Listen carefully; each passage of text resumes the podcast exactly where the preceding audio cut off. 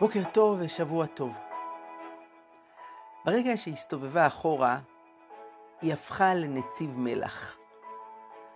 כך מספרת התורה על אשת לוט.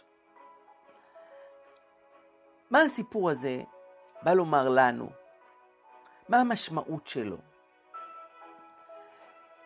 לפעמים אדם עובר דברים קשים, צרות, אסונות, וכאן הוא צריך לקבל החלטה מה הלאה.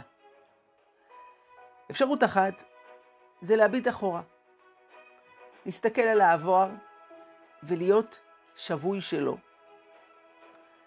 להתאבל בלי הפסקה על מה שהיה, לחשוב כמה אני מסכן, מה עשו לי. והתוצאה היא שאדם נשאר תקוע בעבר. האפשרות השנייה היא להסתכל אל העתיד. אנחנו נקרא על אברהם אבינו שקיבל שלוש הבטחות גדולות מאלוקים. אחת, שיהיו לו צאצאים, עם רב, כחול אשר על שפת הים. שתיים, שהוא יקבל את ארץ ישראל.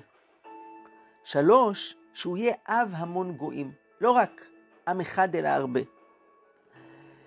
והנה, נקרא השבת פרשת חיי שרה על מות אשתו, ואברהם מגלה ששום דבר משלושת הדברים האלה לא קרה.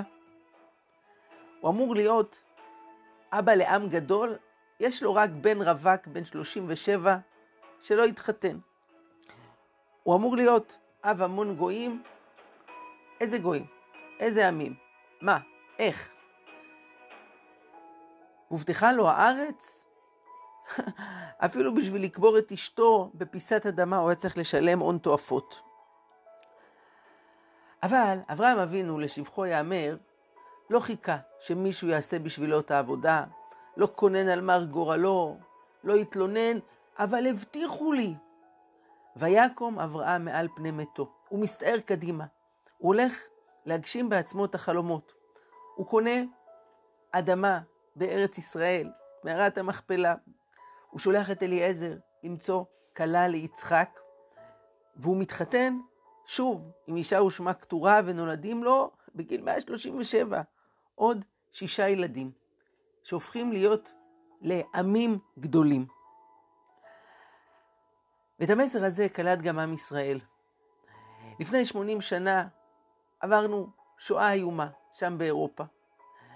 והיו ניצולים, שורדי שואה, שהיו יכולים להגיד, די, החיים נגמרו. להסתכל אחורה, כמו אשת לוט על סדום, ולהגיד, זהו, אין עתיד, שום דבר לא יצא עוד, הכל אבוד. אבל לא, הם בחרו להניח למה שקרה ולהסתער קדימה. עלו לארץ, הקימו מדינה, בנו משפחות. לא אמות, כי יחיה, הם אמרו. וזכו להקים עולם שלם. לרומם את עם ישראל לתחייה מן האפר.